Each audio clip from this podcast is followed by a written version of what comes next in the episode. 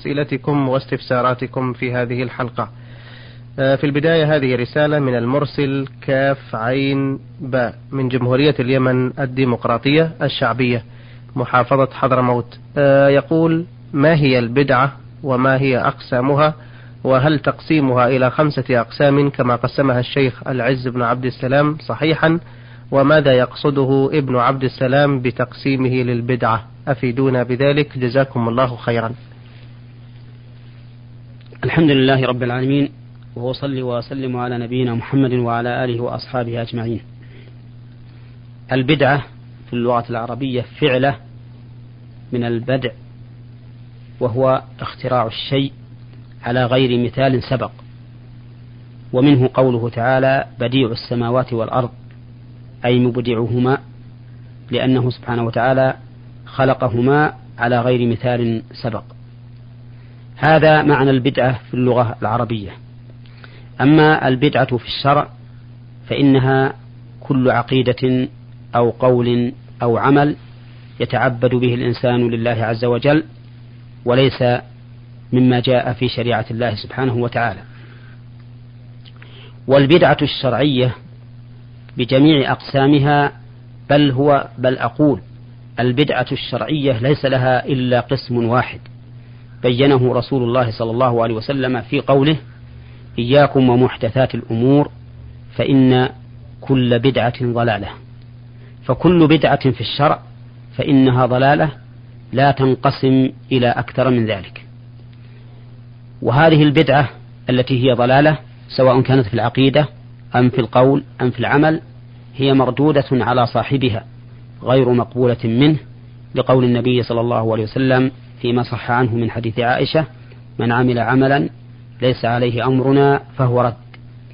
إذا فالبدعة الشرعية لا تنقسم لا إلى خمسة أقسام ولا إلى أكثر ولا إلى أقل إلا أنها قسم واحد بنص رسول الله صلى الله عليه وسلم الذي هو أعلم الخلق بما يقول وأنصح الخلق فيما يوجه إليه وأفصح الخلق فيما ينطق به. وكلام رسول الله صلى الله عليه وسلم غني عن التعقيد وعن الت... وليس فيه شيء من التعقيد وهو بين واضح. وتقسيم البدعة عند بعض أهل العلم كالعز بن عبد السلام وغيره إنما قسموها بحسب البدعة اللغوية الذي التي يمكن أن نسمي الشيء فيها بدعا وهو في الحقيقة من الشرع لدخوله في عمومات أخرى وحينئذ فيكون بدعة من حيث اللغة وليس بدعة من حيث الشرع. وإني أقول للأخ السائل ولغيره إن تقسيم البدعة إلى خمسة أقسام أو أكثر وأقل فهم منه بعض الناس فهما سيئا حيث أدخلوا في دين الله ما ليس منه بحجة أن هذا من البدعة الحسنة. وحرفوا كلام رسول الله صلى الله عليه وسلم حيث قالوا إن معنى قوله كل بدعة ضلالة أي كل بدعة سيئة فهي ضلالة. وهذا لا شك أنه تعقيب على رسول الله صلى الله عليه وسلم ويستلزم نقصان كلام الرسول عليه الصلاة والسلام في البيان. لأننا لو قلنا إن الحديث على تقدير كل بدعة سيئة ضلالة لم يكن للحديث لم يكن للحديث فائدة إطلاقا. لأن السيئة سيئة وضلالة سواء كانت بدعة أو غير بدعة. فالزنا مثلا معروف في الشرع أنه محرم وتحريمه ليس ببدعة ومع ذلك نقول إنه من الضلال وإنه من العدوان. فالذين يقدرون في الحديث كل بدعة سيئة ضلالة هؤلاء لا شك أنهم اعترضوا على رسول الله صلى الله عليه وسلم وتنقصوا بيانه عليه الصلاة والسلام. ولا ريب أن الرسول عليه الصلاة والسلام أعظم الناس بيانا وأفصحهم مقالا وأنصحهم قصدا وإرادة وليس في كلامه عي وليس في كلامه خفاء. أقول إن هذا التقسيم الذي ذهب إليه العز بن عبد السلام وبعض أهل العلم أوجب إلى أن يفهم فهما سيئا من بعض الناس الذين هم طفيليون على العلم. ومن أجل ذلك حرفوا كلام رسول الله صلى الله عليه وسلم.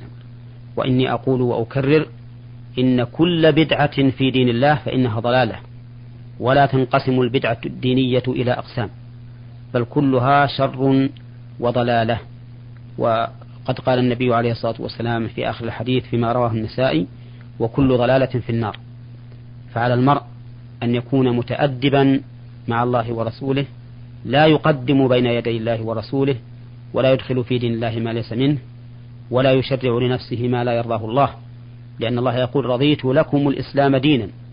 فكل ما قدر أن أن يتعبد به المرء لربه وليس مما شرعه الله فإنه ليس من دين الله. وإنما أطلت على هذا الجواب لأنه مهم ولأن كثيرا من الناس الذين يريدون الخير انغمسوا في هذا الشر أعني في شر البدع ولم يستطيعوا أن يتخلصوا منه ولكنهم لو رجعوا إلى أنفسهم وعلموا أن هذا أعني سلوك البدع في دين الله يتضمن محذورا عظيما في دين الله وهو أن يكون الدين ناقصا. لأن هذه البدع معناها أنها تكميل لدين الله سبحانه وتعالى والله تعالى يقول اليوم أكملت لكم دينكم. ولا شك أنها نقص في دين الإنسان وأنها لا تزيده من الله تعالى إلا بعدا. والله موفق أحسن الله إليكم. آه سؤاله الثاني يقول فيه هل يجوز إزالة النجاسة بغير الماء كالخل وغيره من المزيلات أو المطهرات؟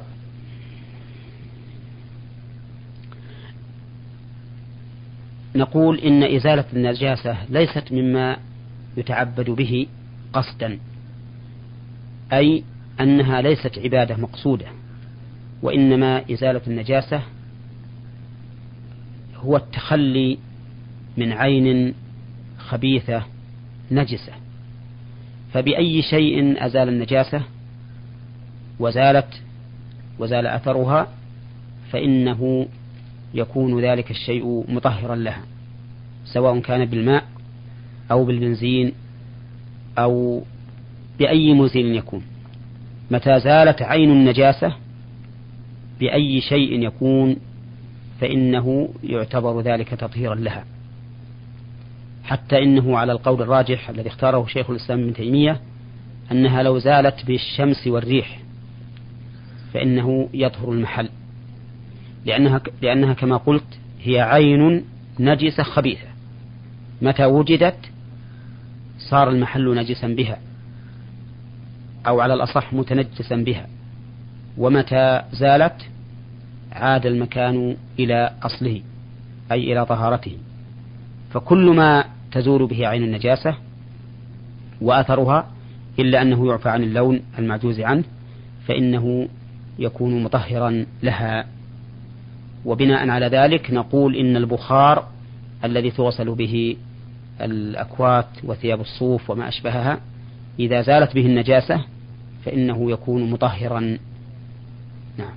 هذه رسالة من السائلة فاطمة الغدير من المحمل أه تقول لديها مشكلة هي أنها امرأة متزوجة منذ تسع سنوات ومشكلتها أن زوجها حرمها من رؤية أهلها وزيارتهم نظرا لبعد المكان الذي يقيمون فيه.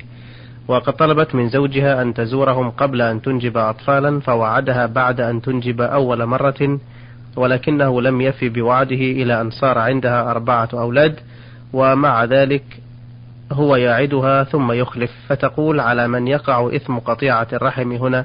فقد سمعت حديثا عن الرسول صلى الله عليه وسلم ما معناه؟ لا يدخل الجنة قاطع رحم. هذا الحديث الذي أشارت إليه وهو قول النبي عليه الصلاة والسلام لا يدخل الجنة قاطع يعني قاطع رحم هذا صحيح. ولكن هذه المرأة ولكن السائلة أطمئنها أنها ليست بقاطعة رحم. وذلك لأن أمرها بيد زوجها وزوجها إذا كان يمنعها أو يماطلها بزيارة أهلها فإنه ليس عليها إثم في هذه الحال وهي مأمورة بطاعة زوجها. لقول الله تبارك وتعالى واللاتي تخافون نشوزهن فعظوهن واهجروهن في المضاجع واضربوهن فإن أطاعنكم فلا تبغوا عليهن سبيلا. والنبي عليه الصلاة والسلام أخبر بأن المرأة عند زوجها كالأسير فهي ليس عليها إثم في عدم زيارة أهلها ما دام أن المنع من زوجها. ولكني أنصح زوجها في أن يحسن معها العشرة وأن لا يحرمها من زيارة أهلها وأن يحرص على أن تزورهم ولو بين مدة وأخرى يتطاول ما بينهما ما دام أن المسافة بينه وبين أهلها بعيدة وهذا هو الأولى والأحرى به إن شاء الله تعالى. بارك الله فيكم. آه هذه رسالة من السائل عبد الرحمن محمد الشهري من بيشة. يقول لدينا مسجد ويوجد له أوقاف سابقة من عدة أشخاص وهذه الأوقاف عبارة عن أرض زراعية تزرع بمختلف أنواع الحبوب وكانت تصرف قيمتها بعد بيعها على المحتاجين الذين يسألون في شهر رمضان فقط. وحيث أن هذه الأيام ولله الحمد لم يعد هناك من يتجول في الشوارع بحثا عن هذه المادة إلا نادرا. أرجو إفادتي وتوجيهي بما ترونه في موضوع هذه الأوقاف. هل يجوز تحويلها في مصالح أخرى للمسجد أو لمن كان محتاجا من المواطنين ولو في غير شهر رمضان؟ نعم. الذي فهمت من السؤال في أوله أن هذه الأوقاف للمسجد. كذا؟ نعم. نعم. يقول للمسجد. للمسجد نعم. فما دامت للمسجد فإنها تصرف في مصالح المسجد من أول مرة ولا يصرف للمساكين لا في رمضان ولا في غيره إلا ما فضل عن حاجة المسجد. وذلك لأن الواجب في الأوقاف أن تصرف حيث شرطه الواقف إلا إذا كان هذا الشرط يشتمل على أمر محرم فإنها لا تصرف إليه. أو إذا كان الناظر ناظر الوقف يرى أن صرفها في غير هذه الجهة أفضل وأنفع للمسلمين وأكثر ثوابا لصاحبها فلا حرج عليه. لأن القول الراجح أن صرف الوقف إلى ما هو أنفع وأفضل لا بأس به. ولو خالف شرط الواقف. ودليلنا على ذلك ما ثبت عن رسول الله صلى الله عليه وسلم في رجل استفتاه فقال يا رسول الله إني نذرت إن فتح الله عليك مكة أن أصلي في بيت المقدس. فقال صلها هنا فأعاد عليه فقال صلها هنا فأعاد عليه فقال صلها هنا فأعاد عليه فقال شأنك إذن. فإذا كان النذر والنذر يجب الوفاء به. إذا كان طاعة يجوز أن يغير إلى ما هو أفضل منه فكذلك الوقف يجوز أن يغير إلى ما هو أفضل منه وأنفع. ولكن مع هذا نرى أنه إذا أراد الناظر أن يغيره فإنه يستأذن المحكمة لأجل أن يكون على بصيرة من أمره. فهذا الرجل الذي عنده هذه الأوقاف إذا كان المسجد يحتاجها فإنه يصرفها في المسجد. ثم إن فضل شيء بعد المسجد يصرفه في الفقراء سواء في رمضان أو في غيره وسواء كان الفقراء من حي هذا المسجد أو من أحياء أخرى من البلد. جزاكم الله خيرا. هذه الرسالة وصلت من المستمع وليد عيسى سوري مقيم بالدمام. آه، له سؤالان. يقول في سؤاله الأول جرت العادة كما شاهدت في بلادنا أن من الناس من ينذرون بإضاءة المقامات بالشمع مثل مقام قبور الأنبياء مثل النبي صالح عليه السلام والنبي موسى ومقامات بعض الأولياء في بعض المناسبات أو عندما ينذرون نذورهم كأن يقول إنسان أو شخص إذا رزقت بولد إن شاء الله سوف أضيء المقام الفلاني مدة أسبوع مثلا أو أذبح لوجه الله ذبيحة عند المقام الفلاني. فهل تجوز مثل هذه النذور؟ وهل إنارة المقام بالشمع أو بالزيت جائزة؟ وعادة ما تكون هذه الأيام التي يضيئون بها هي أيام الاثنين والخميس آه، ليلة الجمعة. فهل هذا ورد في زمن الرسول صلى الله عليه وسلم أم أنه بدعة؟ إضاءة المقامات يعني مقامات الأولياء والأنبياء التي يريد بها السائل قبورهم. هذه الإضاءة محرمة.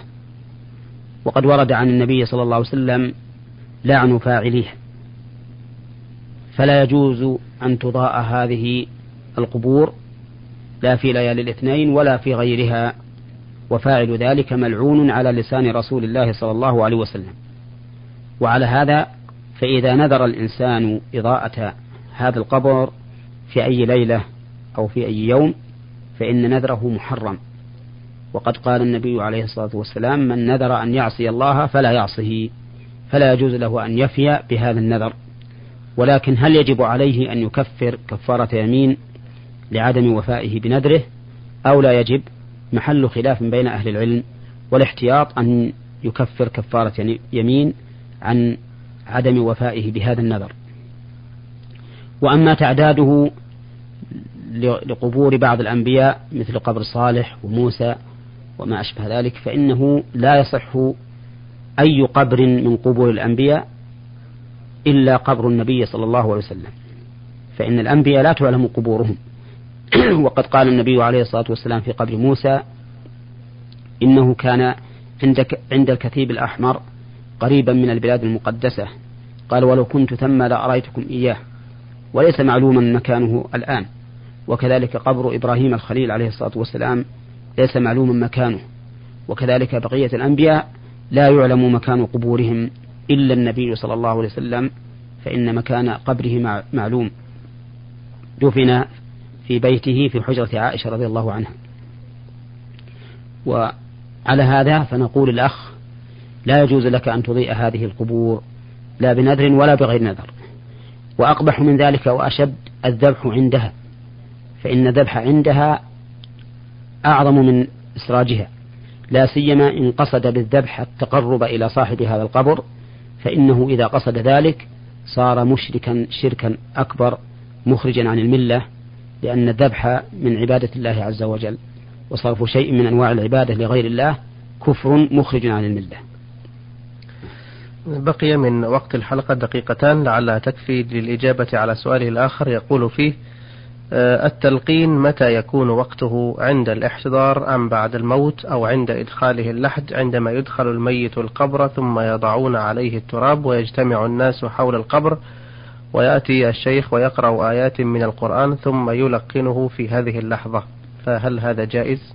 التلقين إنما يكون عند الموت عند الاحتضار يلقن لا إله إلا الله كما فعل النبي عليه الصلاة والسلام عند موت عمه أبي طالب حيث حضر فقال قل يا عم لا إله إلا الله كلمة أحاج لك بها عند الله. ولكن عمه أبا طالب والعياذ بالله لم يقل هذا ومات على الشرك. وأما التلقين بعد الدفن فإنه بدعة لعدم ثبوت الحديث عن النبي صلى الله عليه وسلم في ذلك. ولكن الذي ينبغي أن يفعل ما رواه أبو داود حيث كان النبي عليه الصلاة والسلام إذا فرغ من دفن الميت وقف عليه وقال استغفروا لأخيكم واسألوا له التثبيت فإنه الآن يسأل.